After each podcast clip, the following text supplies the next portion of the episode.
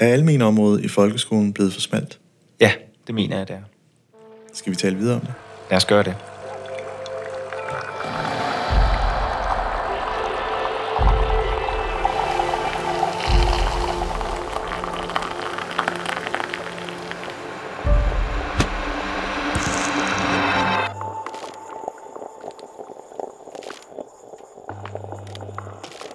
Velkommen til podcastprogrammet Kaffe og Ledelse. Mit navn er Ejhan Gomes, stifter af Mindcloud og vil være jeres podcastvært. Jeg starter med et citat. Vi skal samtidig have tydelig og modig ledelse, som på en autentisk og anerkendende måde kan skabe følgeskab i forhold til den vigtige og rigtige inklusionsopgave, vi står overfor. Det siger min gæst. Almen og specialområdet i folkeskolen er to vigtige aspekter af det danske uddannelsessystem, der spiller en afgørende rolle i at sikre en inkluderende og tilpasset uddannelse for alle elever. Mens almenområdet sigter mod at imødekomme behovene hos de fleste elever, er specialområdet dedikeret til at støtte elever med særlige udfordringer og behov.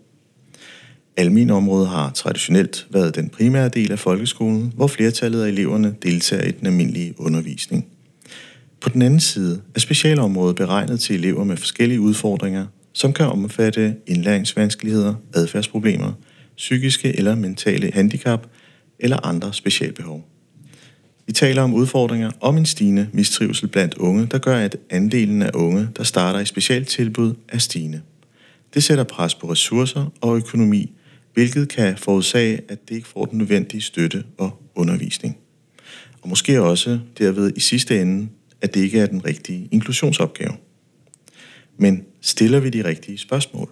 Nogle af de emner, som medierne er optaget af, er forskudt skolestart, inklusion, der ikke lykkes, mangler kvalificerede faglærer, adgang til ungdomsuddannelser, sygefravær af lærere og flere elever til erhvervsskoler. Det kan handle rigtig meget fokus på ressourcer og rammer. Men skal vi ikke også kigge en lille smule på indhold, form, organisation og måske også kultur?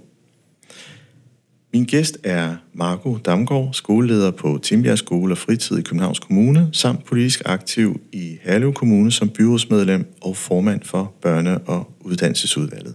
Velkommen til. Tusind tak. Jeg synes, det er et spændende emne. Jeg faktisk glædet mig.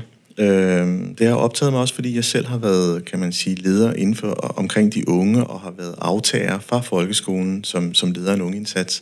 Så på mange måder, så, så, så er jeg virkelig, virkelig spændt på, hvordan øh, den her samtale kan udfolde sig. Men før vi lige sådan slår den i stykker, skulle jeg lige til at sige, men øh, gå i gang med emnet, så synes jeg lige, vi skal gøre det, vi plejer at gøre. Det er lige sådan at, at få præsenteret kaften og sådan. Så jeg ved, du har lidt på hjertet der. Ja, jeg vil, øh, det, er jo, det er jo altid godt med en lille samtale og så med en god kop kaffe til. Øhm, kaffen her er jo fra øh, vores personalrum på Tingbjerg Skole Fritid.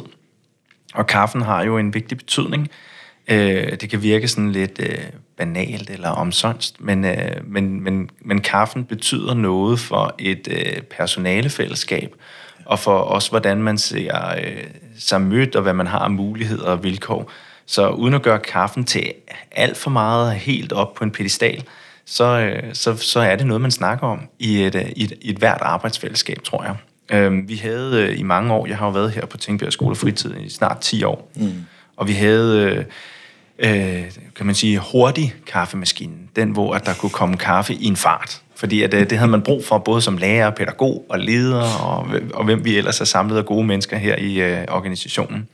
Men, øh, men så tog vi den vigtige beslutning for nogle år tilbage at sige, at vi bliver nødt til at have to kaffemaskiner. Den hurtige, effektive, men også den, hvor at vi får øh, friskmalede øh, kaffebønner og får lidt mere luksuskaffe og lidt mere ro på. Ja. Øhm, og det med at skabe lidt mere ro på og nærvær og kvalitet, Øhm, det tror jeg også noget, det vi skal blive bedre til i folkeskolen, øh, sådan mere overordnet set. Og det har, vi, det har vi så også gjort med kaffen. Så den kaffe, vi to drikker, Ejern, det er jo øh, det er kvalitetskaffen. Ja, det er den langsomme, ja. må jeg så antage. Det, er derfor, der var to. For jeg undrede mig, jeg kan vide, hvorfor de ikke har fjernet den gamle endnu. Ja. Det var faktisk den tanke, der slog mig. Ja. Øh, jeg var vild med grafikken på skærmen. Altså, det var jo meget fristende. Ja. Altså sådan, wow, okay, der, der er gang i den her. Ja. Øh, Jamen, der er, det, det, det der jo er blevet til, uh, igen, også meget, meget, måske et meget godt billede på livet og, og uddannelsesverden. Mange muligheder. Så, øh, så, så kvalitetskaffemaskinen, den har jo simpelthen uanede muligheder med cappuccino og flat white, og øh, ja, jeg skal give dig skal, og noget kakao og alt muligt. Jeg, jeg, jeg kan ikke alle mulighederne. Jeg er sådan lidt, øh, der er nok lidt konservativ. Jeg, jeg tager den helt almindelige friskværnet kaffe, og så putter jeg selv en lille chat øh, frisk mælk i. Øh, jeg skal ikke have alt muligt øh, fancy. Jeg skal bare have en, en, en god kaffe. Ja, hvor fint. Og hvis man går, kan man sige, ledelseskold, så kan man altid gå tilbage til kaffemaskinen og sige, hvorfor var det egentlig, vi fik den langsomt? Det var for at tage tempoet en lille smule ned, sove på beslutningerne, mm. og så kan det være, det kommer til en.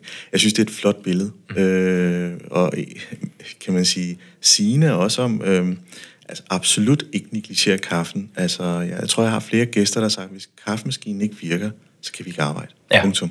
Ja. Det, altså. ja men, og, og det kan jeg ikke genkende til. Hvis, altså, øh, med en lille grad af humor, men måske også en, øh, en grad af sandhed, så, øh, så plejer vi at sige, at her i Københavns Kommune har vi hver andet år sådan en medarbejdertrivselsundersøgelse. Og den er jo rigtig vigtig, og enhver leder med respekt for sig selv går også op i den her undersøgelse, bliver, bliver, bliver arbejdstrivselen? Bliver man selv som leder målt godt? Bliver organisationen? Hvordan klarer vi det? Der er to ting, der er ekstremt vigtige, inden at den her trivselsundersøgelse skal udfyldes af alle medarbejdere. Der er 130 medarbejdere i, i vores organisation her i mm. Tænkbjerg. Og det er, at øh, kaffemaskinen kører upåklageligt, og at øh, kopimaskinerne kører upåklageligt. Hvis, der er, øh, hvis der er for mange stop og fejl, og alt det, så skaber det alt for meget dårligt om. Ej. Så det er selvfølgelig sagt med et glimt i øjet, fordi der er jo meget mere til en god arbejdstrivsel end det. Men det er også nogle af de der små ting, som, øh, som betyder noget i en, øh, en travl og vigtig hverdag. Jeg tror faktisk også, at vi skal til at kigge på nogle af de små ting, så de betyder noget. Det er detaljer, der har en stor effekt, øh, men også, at vi tillægger det en værdi, øh, som er jeg ikke, er jeg ikke en, en anerkendt medarbejder nok til, at vi engang kan, mm. kan, kan købe os noget ordentligt kaffe. Omvendt skal man sige, borgerperspektivet, skal de have ordentlig kaffe for vores skattepenge. Ikke? Mm. Så der er sådan en ufattelig dum balance i det der, med, og paradoxalt et eller andet sted. Men hvis du udskiftede kaffemaskinen, hvilket kræver meget mod i, mm. i forsøget på at gøre det bedre, det er der også nogen, der har prøvet, mm. at de faktisk ender med, at det bliver en ringere kvalitet. Så lige meget, hvor god leder du er på alle andre kanaler, så vil du sige, ja, det var ham med den dårlige kaffe. ja, så vil man blive kendt for det. Ja, det, tror, det tror jeg, du har ret i. Men lad os da, lad os da smage den. Mm? Ja, skål. Skål.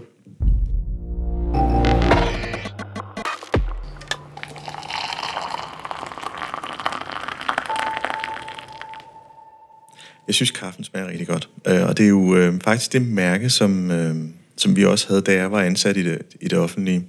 Og de har da godt nok øh, højnet kvaliteten siden sidst, vil jeg sige. Så øh, der har I da ramt rigtigt. Det, det er godt at høre. Det, øh, jeg får også, øh, eller vi får god feedback på den, så øh, det er fint. Jamen, den er så fint. Øh, og der er, som, der er jo altid den her dejlige leg, fordi vi gerne vil, øh, kan man sige, spare på, på plastik og pap, øh, at det er jagten på grus. Ja. Øh, og den må du så også ud i, men det lykkes i stedet. Ja, der er et eller andet med, øh, med skoler. Måske alle arbejdspladser. Nu har jeg jo mest arbejdet i skoleverden, men... Øh, vi køber jo øh, de her kaffekros, og øh, der er en eller anden form for øh, usynlig trold på skolen, som, øh, som stjæler de her kaffekros. Altså, det, vi, vi, de forsvinder i løbet af et skoleår, og så må oh, vi købe nye. Ja. Jeg kan huske fra tidligere, at øh, vi havde altid sådan for kantinen, sådan en, øh, nu skal jeg altså aflevere bestikket tilbage, ja. vi er løbet tør. Præcis, præcis. Jeg tror egentlig også, vi har nogle sædler sådan rundt omkring i øh, personale forberedelsesrum og så videre, hvor der står, husk nu at øh, få øh, kaffekopperne tilbage ja, til, øh, skønt. til køkkenet. Så skønt. Men sådan er vi jo. Altså, ja. mennesker i trods alt på, på bedste og kan man sige også lidt værste vis. Ja. Øh, men lad os, øh, lad os gå lidt i gang med det her emne, fordi øh, altså, hele den her inklusion, det her citat, jeg tog, det var jo fra en artikel, som, øh, som, øh, som du havde skrevet, eller, mm. eller en journalist havde skrevet mm. og citeret dig. Øh, det her med at skulle, skulle øh, stå foran og lave den rigtige inklusion. Den vigtige og rigtige inklusion. Og så tænkte jeg, hvad er den rigtige inklusion? Mm. Det er et rigtig godt spørgsmål. Altså inklusion er et ord, som i mine øjne bliver enormt misbrugt i den daglige øh, hverdagsdebatten, men egentlig også i den offentlige sådan, debat mellem os skolefolk også, og, øh, og mellem politikere. Øhm, så jeg synes ofte, at inklusion bliver brugt, når der faktisk er eksklusion, eller der, når der er mislykket inklusion. Øh, inklusion for mig handler jo om, at man har et, øh, et, et fællesskab, det kan være en klasse, øh, for at tage en, sådan, en overskuelig størrelse, Øhm, når alle i det her fællesskab faktisk føler, at de hører til fællesskabet. Når de har øh, lyst til at komme igen næste dag, står op om morgenen og tænker, jeg skal over og være en del af mit øh, klassefællesskab, mit øh, inkluderende læringsfællesskab, kunne man sige med lidt fine ord, og har den følelse af, at jeg hører til og er der, øhm, og jeg bidrager med noget, og jeg får noget, mm. så synes jeg, at inklusionen lykkes. Derfor tror jeg heller ikke, når vi snakker om inklusion på den måde, så kan vi jo ikke være særlig mange mennesker, som egentlig er imod inklusion. Alle er jo egentlig, tænker jeg, øh, enige i, at vi skal have de her øh, positive fællesskaber, hvor at både, det kan være voksne fællesskaber, men nu handler det jo om børn og unge, men altså hvor børn og unge trives og faktisk udvikler sig øh, med alle de, på alle de her forskellige områder. Men når vi snakker om inklusion og bruger ordet inklusion, så vil mange jo fra start af, forældre, lærere, øh, politikere, øh, sige, det er det værste, der er sket. Og siden inklusionen kom, ja. så er det bare gået ned ad bakke. Men inklusionen har jo været der altid, for både os for den gang, vi to vi gik i skole. Spørgsmålet er, om vi lykkes med den. Ja. Og det er lidt interessant, fordi så begynder man at tage et, et værdiladet ord og smider det ned i en formel og en strategitekst. Mm. Mm. Ligesom ordet værdighed og, og kan man sige, det bliver sådan nogle, kan man sige, nogle, nogle, nogle menneskesyn, mm. øh, som jeg, jeg har sådan en parallel til det. Det er lidt, det er lidt ligesom at tage ens forhold derhjemme og smide den på formel. Ja. Det bliver det ikke godt af. Nej, det tror jeg heller ikke.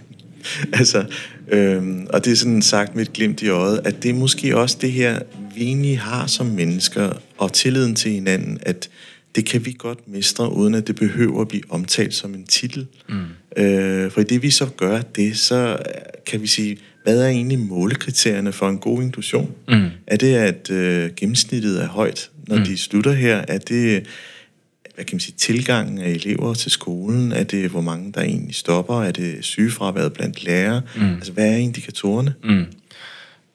Det er spot on, det der, fordi at det, jo, vi nemlig kommer til, det er, at vi kommer til at tage en meget kompliceret øh, størrelse, som jo har flere sådan... Øh, kan man sige, både inden for psykologien, pædagogien, sociologien, øh, er det her kompliceret. Hvad er det, der gør egentlig, at man har inkluderende fællesskaber? Øh, men vi kommer til at vil måle på det, og prøve og kommer til at kaste det ned i nogle forskellige kasser.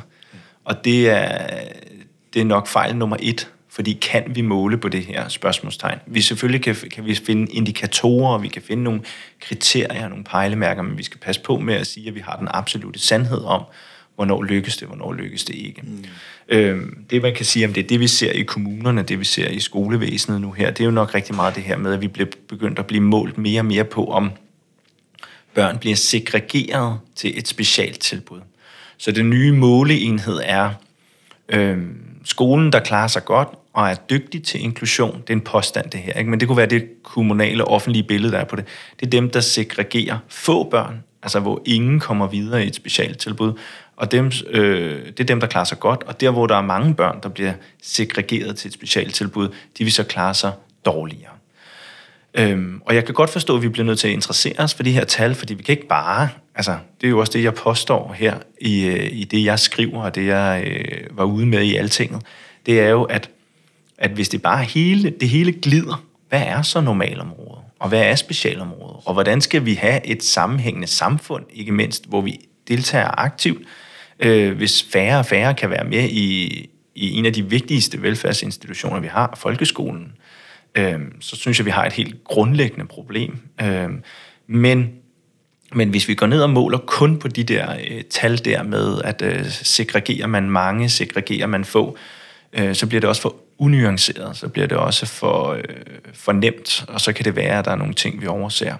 Ja, fordi jeg kommer til at tænke på det demokratiske, eller demografiske, undskyld, ja. øh, aspekt. Øh, der, der er jo forskel. Øh, Stor forskel. Og det er det ene. Det andet er, at øh, så kan jeg blive en lille smule øh, djævelens advokat her, at så holder man bare op med at sende dem til specialklasser og fastholder dem, og måske et eller andet sted accepterer skoleværing, fordi tallene skal se pæne ud. Men hvis jeg skal være helt ærlig, og det er ikke så meget for at sige, fordi at jeg, øh, jeg tror, jeg elsker folkeskolen mere end så mange andre mennesker i, i den her verden, Øh, men, men, men lige nu har vi også en folkeskole, som nemlig kommer til at gøre det, du siger. Og det er jo der, forældre møder sorg og svigt, øh, og vi som samfund også her, fordi vi er presset på så mange parametre, og det her det skal ikke blive en klagesang, fordi vi skal have vendt det over til, hvad skal vi gøre, og hvad alt det positive der også er, for der er en masse børn i trivsel, og der er masser af rigtig dygtige lærere, pædagoger og dygtige folkeskoler. Men du har ret i, jo mere vi måler på det her, jo mere økonomisk kommune, øh, presset økonom, kommunerne bliver, og dermed skolerne, jo mere vil vi se børn, som øh, også sidder i nogle forkerte tilbud, eller sidder i nogle forkerte situationer. Fordi nu havde vi fem på ved sidste visitation til specialområdet. Nu kan vi ikke have fem elever på igen. Nu bliver vi også nok nødt til at lige sige, hvad gør vi her? Mm. Sidder der så et barn derude, øh, gemt væk, altså sådan helt, hvis man skal karikere det, i en kælder, øh, som egentlig har det skidt, men, men ikke må blive en del af de her tal. Det er kompleksiteten i det. Ja. Samtidig må jeg bare sige, vi kan heller ikke gøre den anden. Jeg har hørt politikere sige, jamen alle børn har ret til øh, det rigtige tilbud for dem. Alle børn har ret til et specialtilbud. Det er meget fint, men, men hvad er, hvad er øh, ideen med det? Altså, øh, og, og skal vi bare blive ved med at se, hvordan er tallene med børn, der går i et specialtilbud, stiger og stiger og stiger. Mm. Det er for mig øh, øh, meget, meget faretroende øh, udvikling, og også en forkert udvikling. Vigtigst af alt for børnene selv, men også for vores samfund. Ja, ja du åbner så mange ting op ja. med, med den sætning, og jeg synes, det er fantastisk, Marco. Og jeg, jeg, jeg har ligesom også brug for at tage refleksionsrunderne med frem, øh, ja. fordi der er det her aspekt, som jeg ligesom, det, det kan også blive den nemme konklusion at sige, fordi de unge mistrives, ergo så har vi brug for flere specialtilbud. Ja. Det, det, det er den simple ja. øh, konklusion, og ergo vi skriger efter flere ressourcer, send flere penge. Ja. Jeg er mere på den der, har vi skabt en struktur, både i skolen, men også i vores samfund, og en forståelse af, hvad folkeskolen skal løfte af opgaver, som er fuldstændig gal Mathias. Jeg har jo siddet og tænkt, jamen, hvor meget skal de her arme mennesker, skolelærerne og klasseværelset, hvad skal de rumme? Mm. Altså, jeg har jo selv været med til at lave forebyggende indsatser, mm. hvor, hvor vi stod i kø klokken 10 frikvarteret med alle mulige specialtilbud, der ikke lå i folkeskolen. Mm. Jeg stod i kø. Mm. Ja, men det er rigtigt. og, og, det, det, og lærerne, altså, de har både pensum, de har og så videre, og de slår sig jo. Mm. Altså, øh, da jeg var knægt, der var det sådan noget med, jamen der kunne man tage på lejerskole, og så var lærerne med, og de ting er også blevet pillet fra. Mm. Har vi ikke selv skabt den mm. kompleksitet? Mm. Det tror jeg i høj grad, vi har. På flere måder, både med hvad, hvad, hvad vi som kommuner øh, tilbyder, og hvordan det er skruet sammen. Det er den ene del. Øh, men jeg tror måske også øh, sådan en kultur og en forståelse heriblandt også hos familierne. Øh, men, og, og det er ikke familierne eller forældrenes skyld. Men det er, jo en, det er jo en fælles samfundsmæssig kultur. Og med det mener jeg, menneskets udvikling, det vestlige samfund, Danmark som et øh, demokratisk, øh, frit samfunds udvikling mod det mere og mere perfekte, og det mere og mere perfekte liv, og den måde, vi kan læse, skrive, regne, øh, og alt det, vi kan, og den måde, vi har udviklet os på. Øhm, er det blevet for svært nogle gange at være, øh, at være et menneske, eller at være et barn, eller at være øh, en ung øh, i det her. Og hvad er egentlig det perfekte? Altså, så bliver det sådan lidt filosofisk, men hvis vi skulle starte et sted omkring det med, øh, hvad er det, vores skole skal? Øhm, og der, der er min holdning, at de læringsmiljøer, vi har skabt, de øh, fællesskaber, vi har skabt, øh, de er rigtig gode for nogen, og passer rigtig godt ind for nogle børn, og for andre børn, så har de rigtig svært ved at finde deltagelsesmuligheder ind i det. Og kommer til at have en rigtig uheldig udfærd, adfærd. Det kan være udadreagerende, det kan være selvskadende, det kan være indadvendt. Vi ser meget af det her. Øhm, og, og derfor tror jeg mere på, at jeg tror ikke, at der er så meget øh, galt med alle mulige øh, børn og unge, men jeg tror, at vi godt kan lave nogle øh, nogle bedre rammer, eller nogle bedre øh, læringsmiljøer, altså inkluderende læringsmiljøer. Mm. Øhm, og apropos det der med at skrue lidt ned for tempoet og få noget kvalitet ind i kaffe ved kaffemaskinen, så, øh, så skal vi måske også skrue lidt ned for tempoet i folkeskolen og få noget lidt mere kvalitet ind. Øh, plads til fordybelse, men også plads til noget tværfaglighed, plads til at, øh, at vi lærer på forskellige måder, plads til at vi ikke alle sammen er mega gode til tabeller, Men så kan det være, at man er rigtig god til øh, øh, at synge, eller at man er rigtig god til at tegne, eller man er rigtig god til at spille fodbold, og hvordan kan vi få integreret det her i de her fællesskaber. Det er i hvert fald noget af det, som jeg også som leder, sammen med mine dygtige pædagogiske øh, og didaktiske medarbejdere, siger, hvordan skaber vi egentlig de her deltagelsesmuligheder? Ja, deltagelsesmuligheder, deltagelsesmuligheder, deltagelsesmuligheder. Fordi der kan alle børn vil gerne være med. Mm. Min, min, min påstand er, at alle børn vil gerne være en del af et fællesskab. Mm. Det ligger simpelthen sådan helt indbygget i os. Nogle vil mere eller mindre, nogle har brug for deres øh, øh, personlige pauser osv. Men i bund og grund vil alle gerne være med.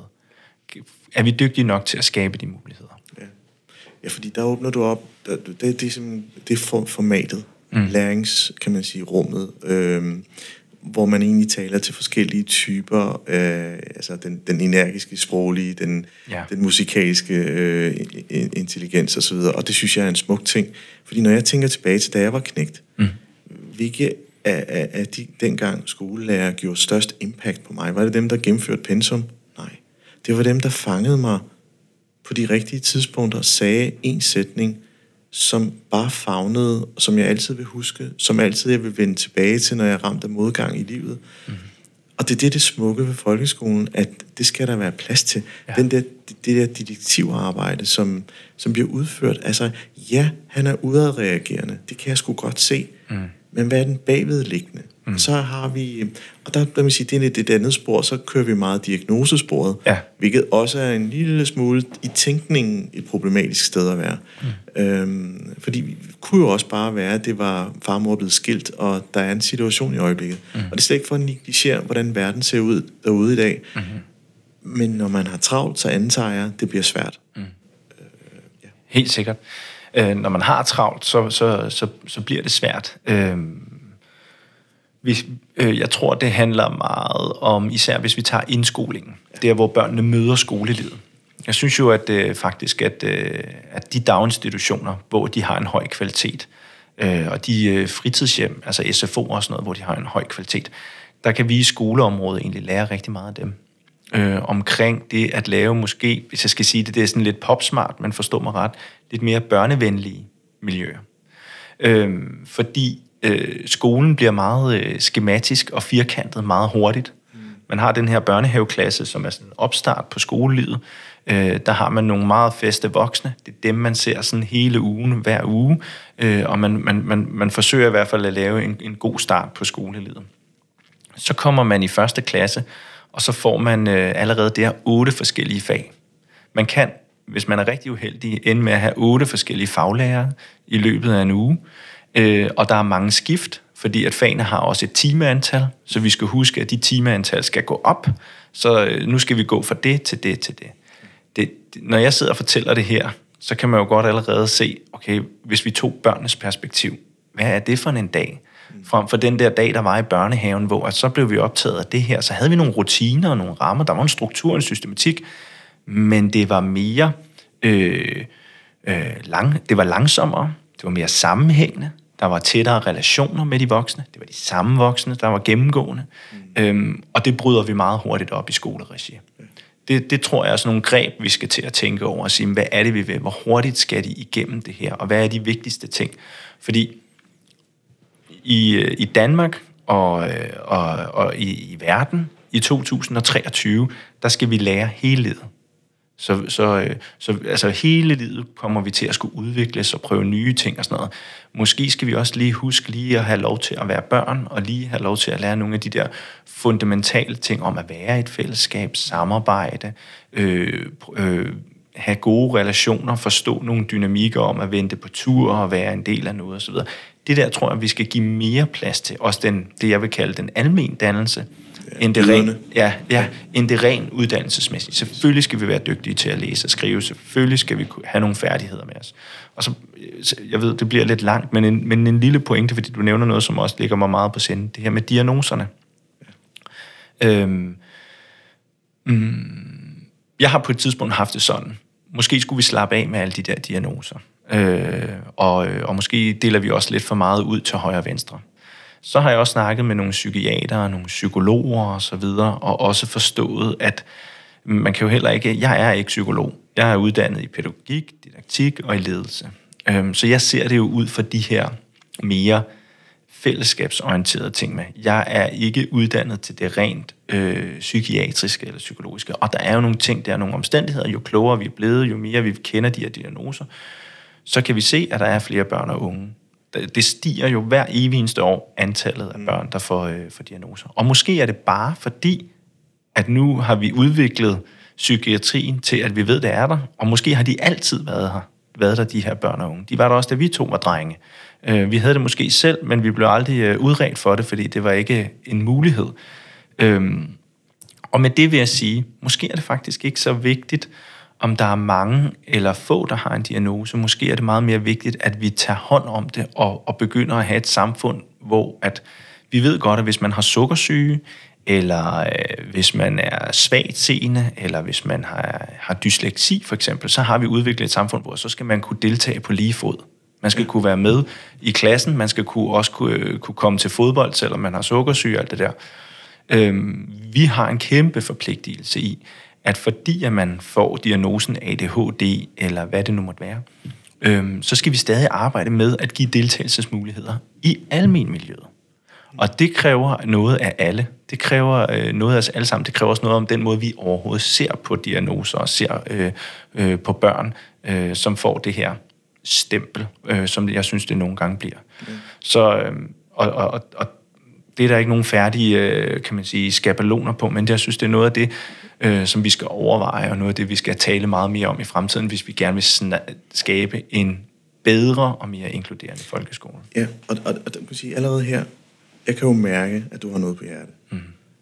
Og, og, og det kræver, at der skal være nogle lyttende ører. Mm. Og det tager lidt længere tid at få det sagt. Fordi det får man heller ikke sagt sådan helt præcist. Man får sagt det lidt i, i billeder, man får sagt det lidt i tilstande, sindstilstanden, øh, følelserne, måske også noget retrospektivt i forhold til, hvad du selv har oplevet. Mm. Der, der, kommer noget, der kommer noget helhed frem. Mm. Og det er ikke noget, man kan fyre af som punkt 3 i en dagsorden, øh, i måden, vi nu faciliterer og organiserer på. Lad mig give dig et godt eksempel, der måske kan fagne det, det på, på sådan, i min anekdote, jeg talte med en god ven her forleden dag, der sagde, jamen, i gamle dage, der var en postmand, ikke bare en postmand, der delte brev ud. Han var også en, der vidste godt, jamen, så var der herr Hansen. Han lavede altså kaffe, han vidste nogenlunde, hvornår han kom forbi. Han var en ensom fyr, men det med, at han gav en kop kaffe, så lyttede han lidt til herr Hansens, øh, hvor, hvor han er i, i dag, og havde tid til lige at give ham fem minutter. Det var mm. det, det tog. Og så gik han ellers videre. Øhm, senere hen, så skulle de jo måle afstande og hurtighed og hastighed, og, det, og deres faste job var at dele breve ud, og det var det, de blev målt på. Øhm, så delte de så breve ud, og de fandt ud af, at det kan da ikke tage mere end et minut at smide et brev ind, og derved, kan man sige, så har man nærmest udhulet det, der også gjorde, at en postmand synes, det var fedt at tage på arbejde. Altså, at dele post er jo ikke noget, man tænker, wow, ikke? Mm. Men, men den der følelse af forpligtelse og fællesskab for at være noget for andre, mm. det, det kan man godt stå op til. Mm. Og det er det, man... Der, og jeg vil sige, den glød, der ligger der, og som er forudsætningerne, fordi det, vi taler om blandt de unge mennesker, det er forudsætningerne for, at de kan lære. Mm. Deres modenhed, mm. deres, deres mentaliseringskapacitet, der åbner sig op, når de er trygge, og i de der mange skift gør jo, at trygheden er udfordret. Mm. Det samme gælder vel også medarbejderne mm. og hele vores tænkning. Så, og det, det er måske også din... Jeg synes, det er sådan et flot billede, et, et flot billede hedder det, med kaffemaskinen, mm. hvor du siger, at vi skal tage det en lille smule slow. Mm. Og så skal folk stå, prøve at være i det svære. Mm. Ja, ja men... Og og det var også en lang en. Ja, jamen, det, jamen, det, men det var, synes jeg var godt. Jeg sad og fik billeder her af postbudet og, og romantiserede det hele til, til de gode gamle dage. Ikke? Men, men, men, men jeg synes jo, der er nogle, der er nogle pointer i det. Øhm, fordi det, jeg tror nemlig, det der med at give sig tid til det, som ikke bare ligger øhm, i, øh, i, i, i opgaveoversigten. Øh, det kan være for postbuddet, men det kan egentlig også være til for læreren og pædagogen. Ikke? Præcis. Det, det, det har været meget været ræset om, hvordan får vi alt ind i den der opgaveoversigt, og så skal, vi, skal der tid på det hele, og så skal vi kunne sørge for, at man kan nå det hele. Sådan noget. Det er jo en umulig opgave. Altså fordi, at læreren og pædagogens opgave er jo enormt kompleks, men sindssygt meningsfuld og sindssygt betydningsfuld når vi lykkes med den. Præcis. Men jeg vil aldrig kunne sætte den på formel. Heller ikke som, øh, som leder, og, og som leder nu i, i snart 10 år, og selv arbejdet som lærer, fordi den har så mange facetter. Og den har, og den rummer også det, at det professionelle menneske, det kunne være postbudet, men også her læreren og pædagogen, selv tager nogle valg, selv forstår situationen, konteksten, det enkelte barns behov, og dermed tager nogle professionelle valg, laver nogle professionelle skøn. Og det, det er noget af det, jeg i min ledelsesstil har forsøgt at lægge rigtig meget op til. At lægge ansvar, men også betydning og værdi over til, til de her øh, vigtige mennesker. Det kan blive for meget, i et for, i, i, i, hvis det går alt for hurtigt, der ikke er tid til det, der ikke er ro til det, hvis der ikke er nogen at samarbejde med det om. Øh, men det kan også komme et sted hen der, hvor at når tingene så lykkes, hvor der er den øh, nogenlunde, jeg tror altid, vi, vi vil have følelsen af, at vi lidt mangler noget tid, men altså hvor man har muligheden for fordybelse, hvor man har muligheden for et godt og øh, konstruktivt samarbejde med sine kollegaer, og man føler, at man tager et fælles ansvar, så vil man opleve, at tingene faktisk lykkes, altså en eller anden form for kollektiv mestring, øh, og se, okay, det umulige, eller det, vi troede var det umulige, det kunne egentlig godt lade sig gøre, når vi gjorde det sammen, og jeg øh, og gjorde nogle andre ting, og også tog nogle beslutninger om det. Så, så der ligger en ledelsesmæssig øh, opgave i det. Så tror jeg også, øh, at vi skal være gode til at snakke med forældrene om det her. Om det med, at vi har med fællesskaber og levende mennesker at gøre, og hvordan vi skal facilitere det. Fordi at øh, flere og flere, måske både os øh, professionelle, men også forældrene vil gerne have, kunne vi ikke putte det i de her kasser og sige, det var reglerne, det er spillereglerne, så kører vi efter dem, og sådan så. Altså, sådan er livet jo ikke, og sådan er et, et, et, et, et, et, et klassefællesskab eller et skolefællesskab jo heller ikke. Og så, og så tror jeg, øh, i forhold til vores børn og unge, øh, vi, vi skal huske på, at i, apropos det der med dannelse, det er jo også at være i en konflikt, og lære at være i en konflikt, og lære at komme i en konflikt, Præcis. at du bliver et dannet menneske. Ja. Så en del af pensum i skolen, hvis man sådan skulle være lidt firkantet, det er også øh, konfliktløsning, og at komme i en konflikt, eller komme i et skænderi, øh, hvor at det, jeg godt nogle gange kan opleve lidt, det er, at når konflikter opstår, så er det meget forfærdeligt, og så tænker vi, har skolen ikke styr på det? Der var en konflikt mellem de her tre børn, og de blev dræbeligt uvenner osv. Men det er jo skolen. Skal, jeg siger ikke, det skal være kun konflikter, så bliver det rigtig hårdt at gå i skole. Men jeg siger, at det skal også være konflikter, og det skal også være skænderier og diskussioner, fordi ellers så bliver vi jo ikke til hele mennesker. Og vi skal lære dem at kunne agere i en konflikt, og det kan du ikke første gang. Så hvad for et sprog bruger du? Hvad for en måde kender du dig selv og dine egne følelser på? Alle de her ting. Derfor er det en kompliceret størrelse, og den skal forældrene med på. Så skal man huske, at livet er for de hårdt prøvet, og at livet gør ondt. Livet skal ikke være for forfærdeligt, men vi skal også passe lidt på. Øh, børn kommer hjem og har haft en dårlig dag også. Mm. Øh, det havde vi andre også, og det skal man igennem.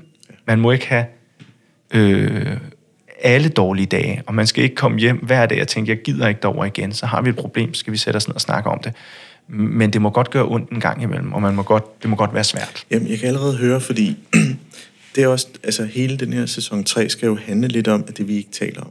Mm. Og for hver gang vi bevæger os ud af mainstream-kontekst, det der er normen for, hvordan vi kan samtale, som er lidt for meget i den positive psykologi-verden. Ja.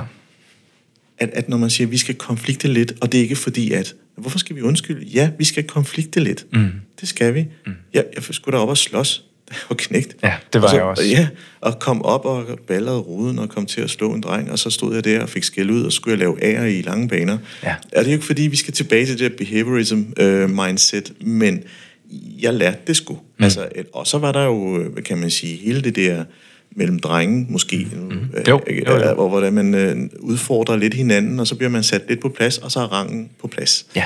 Det er jo i vores biologi. Mm. Mm. altså, mm. Mm. Og, og, og de mennesker, der søger de grænser i en ung alder, bliver mere fattet af min egen hypotese senere i livet. Mm. Jeg vil sige, så, så husker man tilbage til som, åh oh ja, det var også, jeg var med mig en knaller der, ikke? Mm. Øhm, men det er, jo, det er jo nærmest blevet sådan lidt, jeg må ikke være vred, du skal være glad. Mm. Og så sætter vi os ned og laver perleplader. Mm. Mm. Altså. Ja, men du har, så, du har så ret. Og, og, og, og, og det er sådan, at selvfølgelig kommer piger og drenge både op og skændes og slås. Øh, og især drenge kan, kan også komme op og slås og nemlig sige, jamen, nu vil jeg have min vilje, eller vi har spillet den her fodboldkamp, og det gik galt, eller der var et eller andet. Hvordan håndterer vi det? Hvordan hjælper vi med det? Hvordan får vi lært noget af det? Og lad os få noget af det der, fordi det er nemlig det der lidt perfekthedsbillede.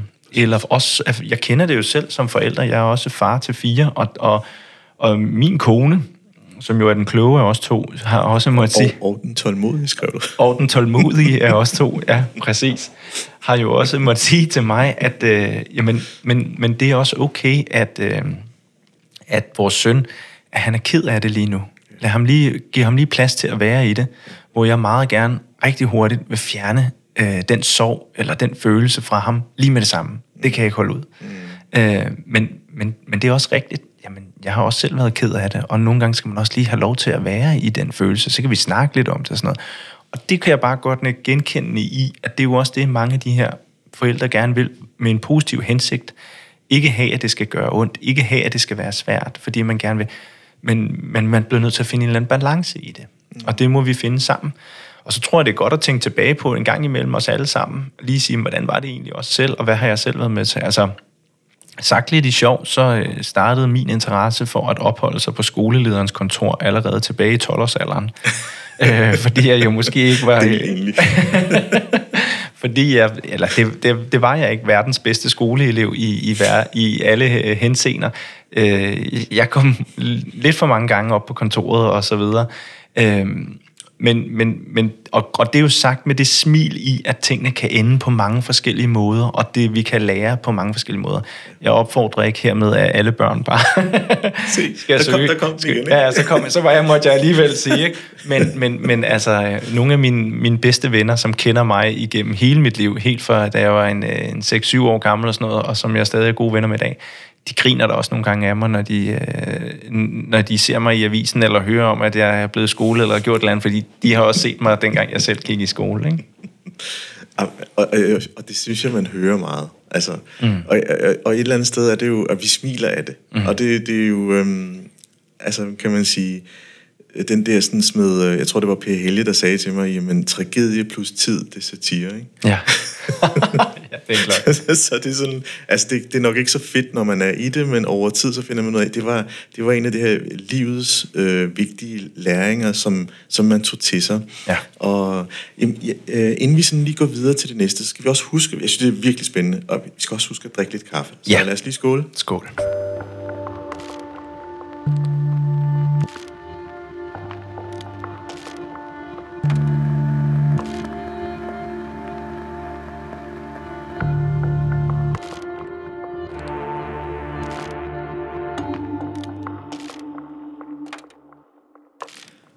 Tiden flyver, og øhm, det er altid det her med, når, når man sådan bliver bidt i samtalen, når man tænker, hvor skal den føres hen? Og nu fører den så alle mulige steder. Jeg synes, på mange måder, så deler vi øh, meget af de samme, kan man sige, øh, tilgange til mm. måden, vi skal begå ledelse, eller begå hedder det ikke, bedrive ledelse hedder det. Mm. Øh, men så kan jeg ikke lade være med at tænke, jamen på den ene side, så, så, øh, så skal vi give mere tid til, til, til lærere og andre faglige kompetente folk på en skole, øhm, til at være detektiver i deres unges dannelse, i liv, i faglighed, i kultur, i den personlige udvikling.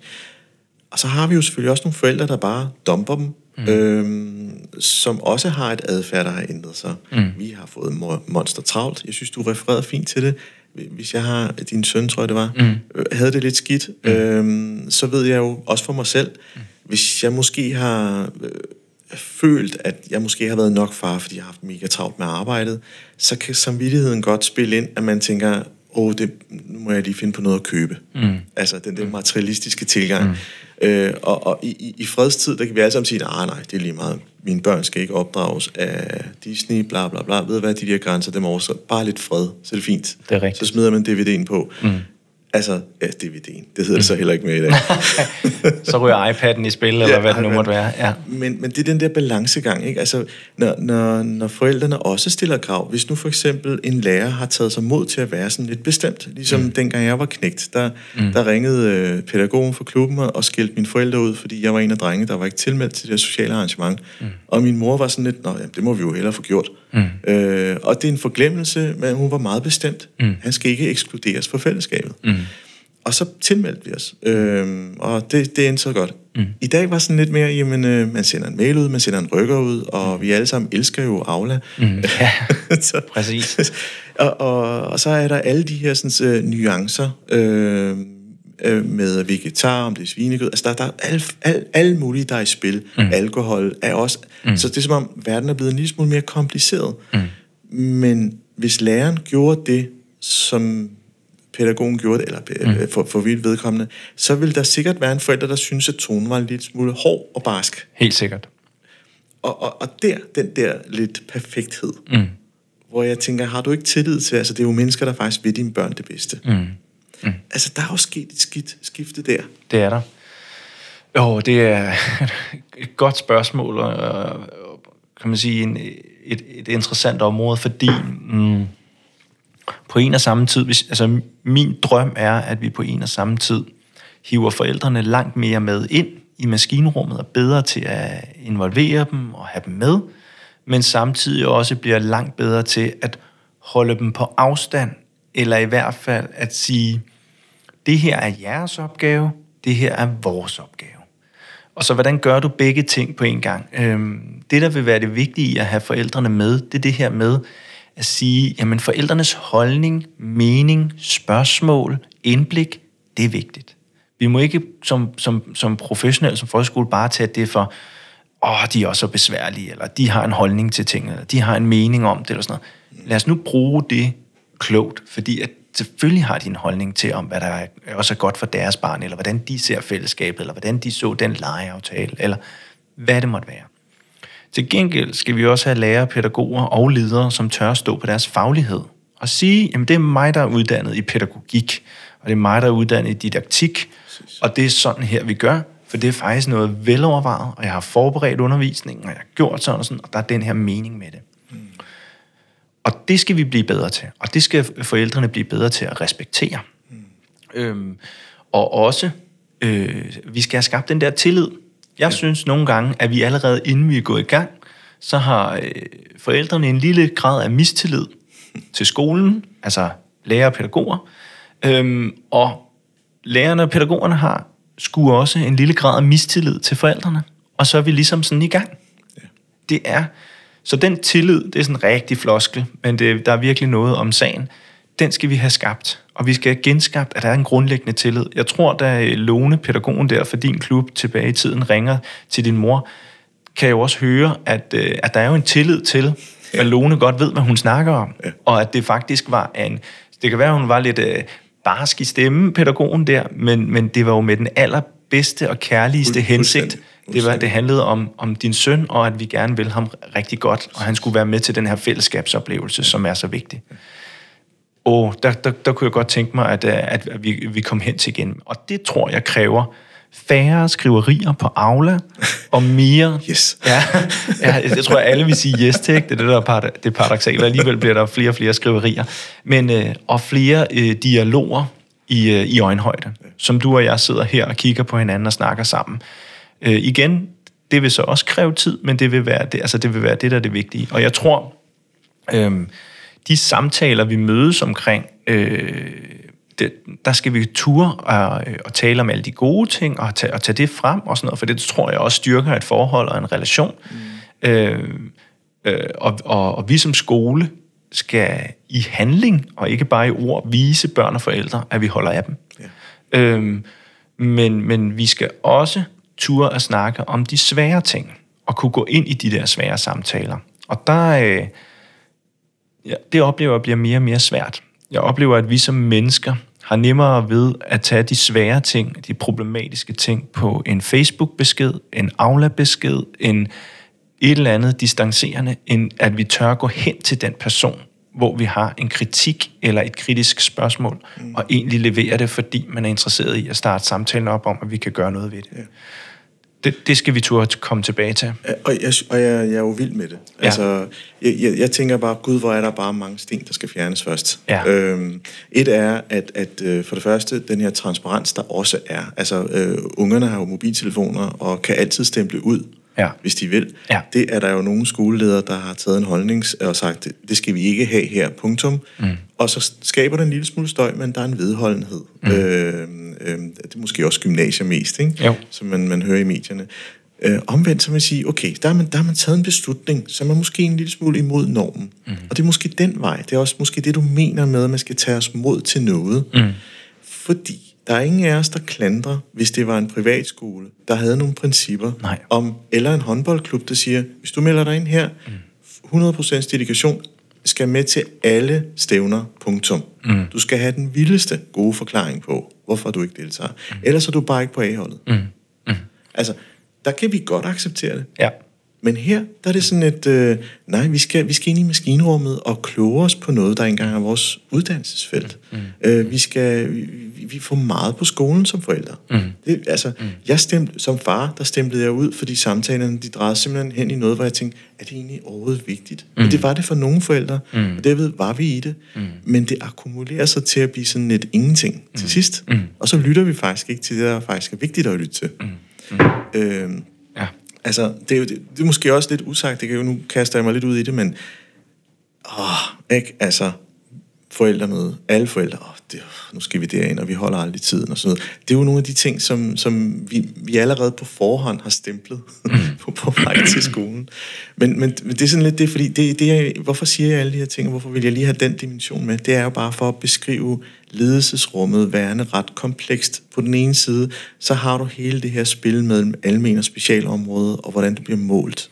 Så, og, og, øhm, og så har du også hele omverdenen og samfundets syn på en. Man skal prøve at please på godt og ondt. Mm. Mm. Og når man prøver at please alle lige godt, så, ender man bliver, så bliver man, tror jeg, ingenting. Ja, så pleaser man til sidst ingen, ikke? Og det, er jo, altså, ja, det tror jeg, det tror jeg er meget rigtigt. Jeg tror også, vi, øh, noget af det, jeg selv har haft erfaring med at gøre, det er at bringe min egen person i spil i det ledelsesrum i forhold til øh, at vise energien og engagementet og viljen til at ville den her skole og det her område.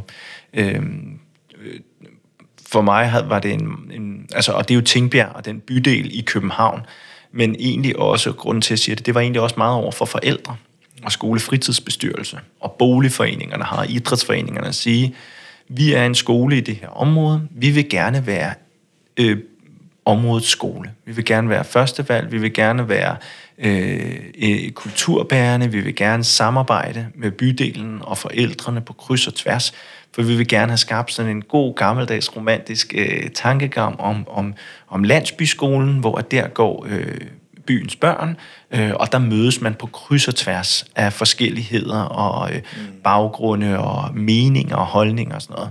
Øhm, og det er noget af det, jeg synes, vi har lykkedes med, men jo noget, som har krævet, at vi, har, at vi er gået ind i det. At lære, øh, at øh, pædagoger, og at jeg som leder, og mine dygtige afdelingsledere, er gået forrest ind og sige det med, at vi er her, og at vi, øh, vi skaber. Vi har også lavet øh, arrangementer, øh, fællesskabsarrangementer, en stor Sankt Hansfest, hvor der kommer mere end 1000 mennesker af børn og øh, forældre osv. på vores fritidsdel, klub og fritidshjem, for ligesom at sige, at det her med at have noget at være fælles om. Må jeg så spørge? Fordi jo. det er jo forsøget på at prøve at fagne det på bedst muligt. Ja. Og der sætter du tempoet op igen. Ja. Altså, er, er, det, er, er det ikke lidt en, en modsætning til kaffemetaforen for tidligere, at vi faktisk ikke skal lave så meget? Ikke fordi det er skidt, Nej. men måske sige, nu skal vi bare være og være i rummet, uden at vi skal have en task, men bare observere. Mm. Øhm, Jo, jo, der er nok en eller anden form for, en eller anden form for paradoks i det. Jeg tror bare, det har været, jeg tror bare, det har været vigtigt, det der med at ikke lukke sig om sig selv. Jeg, jeg, havde, jeg har observeret flere og flere folkeskoler, som, som kommer til at lukke sig om sig selv, frem for at åbne op. Øhm, selvfølgelig er der noget omkring tempoet der, men jeg tror også godt på, at man kan øh, stadig have fokus på kvaliteten, stadig have fokus på det essentielle, men stadig prøve at åbne op og være mere øh, område skole og være mere tydelig i det. Øh, selvfølgelig har det krævet, hvis man skal tage sådan det helt, altså for mig har det krævet en masse arbejde, en masse tid og en masse ting, jeg har lagt i det. Men jeg synes også, at, at vi nu alle sammen øh, øh, kan høste nogle af frugterne øh, af det, som, det arbejde, vi har gjort. Men, men selvfølgelig skal det øh, holdes ved lige. Jeg tror bare, at, øh, at hvis ikke at du har en holdning eller en mening, eller, eller vil noget med det, så, så øh, kan det være svært at skabe det følgeskab, der er i det der øh, store fællesskab, som vi skal gå sammen i. Ja. Øhm, jeg prøver at tegne et billede af, hvad, hvordan jeg egentlig fik det til at se, øh, fik ideen til at sige, hvad er det her fællesskab? Det var det der med, at vi snakkede altid om skolen, og vi snakkede altid om et modsatrettet forhold mellem skole og hjem. Øh, eller det her med, en, vi skal over på skolen til en skole-hjem-samtale. Øhm, når skolen havde fødselsdag, det har vi her i efteråret, så var der nogle elever, der kom hen til mig og sagde, tillykke med fødselsdagen. Og så kunne jeg godt lide at sige det der, men tillykke med fødselsdagen selv. Det er jo os, der har fødselsdag. Og det er jo en lille bitte ting, men det var egentlig et meget godt billede på det der med, at de kigger på mig som skolen, eller på bygningen som skolen, eller på lærerne. I virkeligheden er skolen jo, vi kunne fjerne bygningen. Og så kunne vi sige, at skolen er det forpligtende fællesskab, der udgøres af elever, forældre, personale og ledelse. Det er skolen. Og derfor er vi og derfor er det mega svært at have med skole at gøre, men det er et vi. Så når tingene går mega godt, så, så soler vi os alle sammen i succesen. Eleverne er mega stolte, forældrene er mega stolte, lærerne er stolte, og jeg er stolt. Når tingene går svært, så begynder vi at pege fingre af hinanden alle sammen, og så vil vi ikke være skolen, men så vil vi gerne pege på, hvem der er skolen, og hvem der har problemer. Og det er det, vi skal holde op med. Og det er også derfor sådan lidt uh, Kennedy-agtigt citat, når, når forældre går ind til et forældremøde, så er det, øh, så er det vigtigt, at de siger, hvad, øh, hvad gør I som lærer øh, for øh, klassens trivsel, eller for mit barns trivsel? Men man skal samtidig altid stille det spørgsmål, hvad kan mit barn og jeg gøre for klassens trivsel? Ja. Øh, fordi det er ikke nok kun at få og tage imod. Øh, og barnet må også gerne øh, komme i spil. Præcis. Og det er jo, der taler du jo faktisk til den der følelse af fællesskab og introducerer det begreb til unge mennesker. Lidt, lidt det, vi også gør som forældre, sender dem på holdsport. Ja. At de får en idé om, at de har en rolle på et hold, og, og det er noget med, øh, der, der er selvfølgelig også et konkurrenceelement. Det er sådan et helt andet tema. Mm. Øh, den der med også at fejre dem, der taber mm. øh, mindsetet. Men det, den parkerer jeg lige. Men der er måske det her med behovet for at lave... Øh, ikke lukke om sig selv, som du sagde mm. lidt tidligere. Kunne det, kunne det tale til, at man ubevidst måske har en forestilling om, at vi har et skidt renommé, og vi skal brande os selv, og derfor har vi brug for at gøre det der ekstra gear, mm. og samtidig introducere det paradoxale i at sætte tempoet op. Mm. Mm. Ja, det tror jeg, og det det, det, det, det, der kommer til at ske for mange. Øh, jeg tror også, det kommer til at have sådan lidt en... Øh, vi arbejder med nogle dynamikker, som måske ikke går så godt, så godt i spænd. Med det frie skolevalg, øh, som nu siger nu kommer bomben, jeg er modstander af det frie skolevalg, øh, men med det, da det kom, øh, så, så skabte vi jo konkur- konkurrenceelementet mellem folkeskolerne, imellem os og mellem private og friskoler og folkeskoler og sådan noget.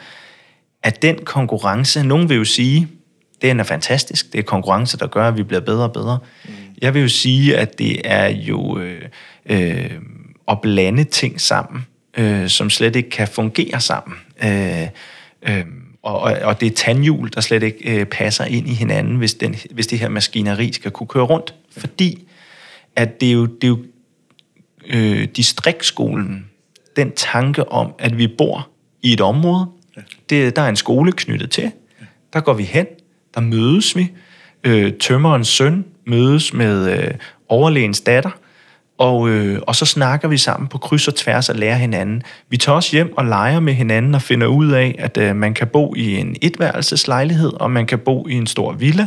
Mm. Øh, og, og det, det er den romantiske drøm. Mm. Hvad gør man så, når man er skole i Tingbjerg, hvor, at, øh, at, at, at, at vi er et bo, hvor der er et boligsocialt område?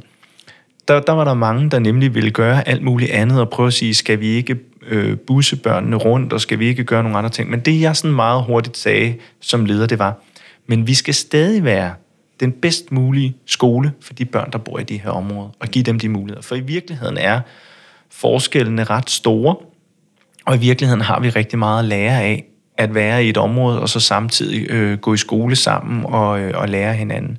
Så, så for mig at se, så var, øh, så var hele den her... Øh, øh, branding og, og, og konkurrencedel, det jeg synes, der, der, der kan være sundt i at man tænker over, hvordan man gerne vil agere, det er, at man går lidt mere, øh, tør at være lidt mere åben og, og udadvendt med tingene. Øh, Tingbjerg skole havde sådan en, øh, øh, en tilgang til tingene, hvor det var meget, vi var bange for at havne alle mulige dårlige steder. Vi var også bange for medierne, og vi var også bange for, at det altid skulle være den negative historie. Men i virkeligheden, så viste det sig jo, at det var os selv, der måske var den største bærer af den negative historie, og ikke alle øh, de andre. Og det tror jeg, man kan tage med i alle mulige henseender sige, hvad er det, vi selv vil? Og skal vi måske turde snakke om det, lærere, pædagoger, forældre, elever sammen og sige, så, så er det det, vi går med. Men der er jo noget, der hedder, at man kan have en organisation, der er i sorg.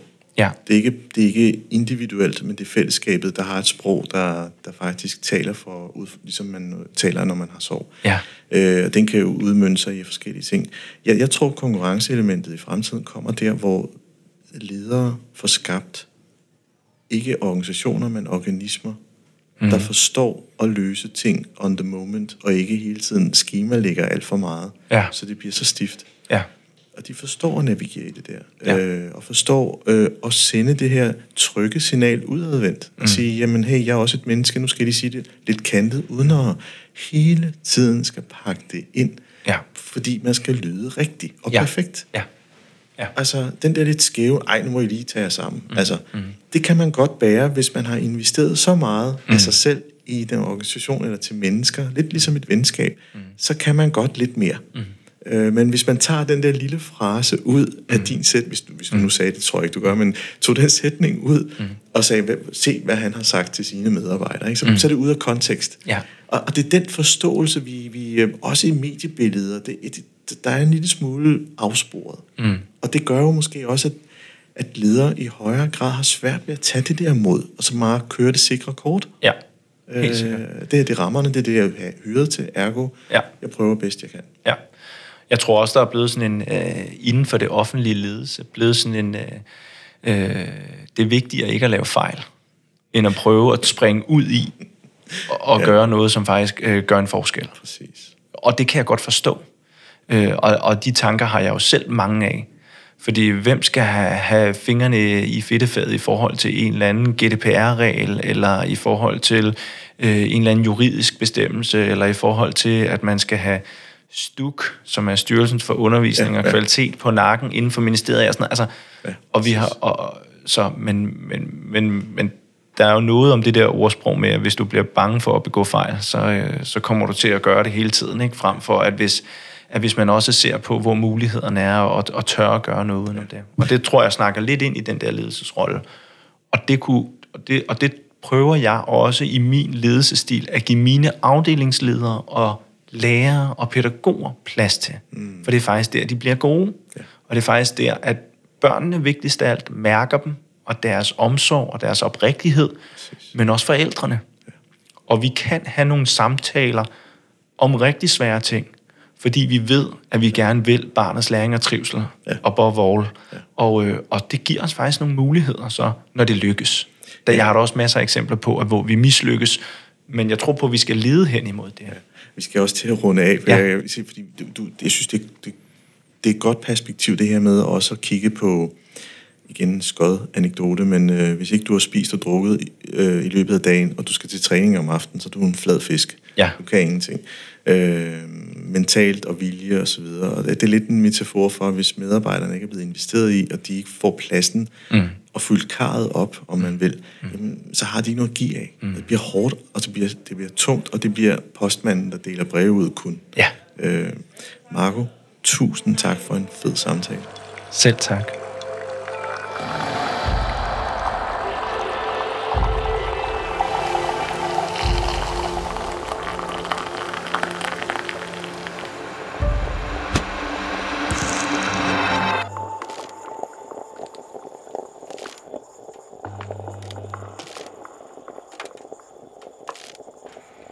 Til podcastprogrammet Kaffe og Ledelse. Ønsker du at lytte til flere afsnit? Gå ind på mindcloud.dk, hvor du har links til flere.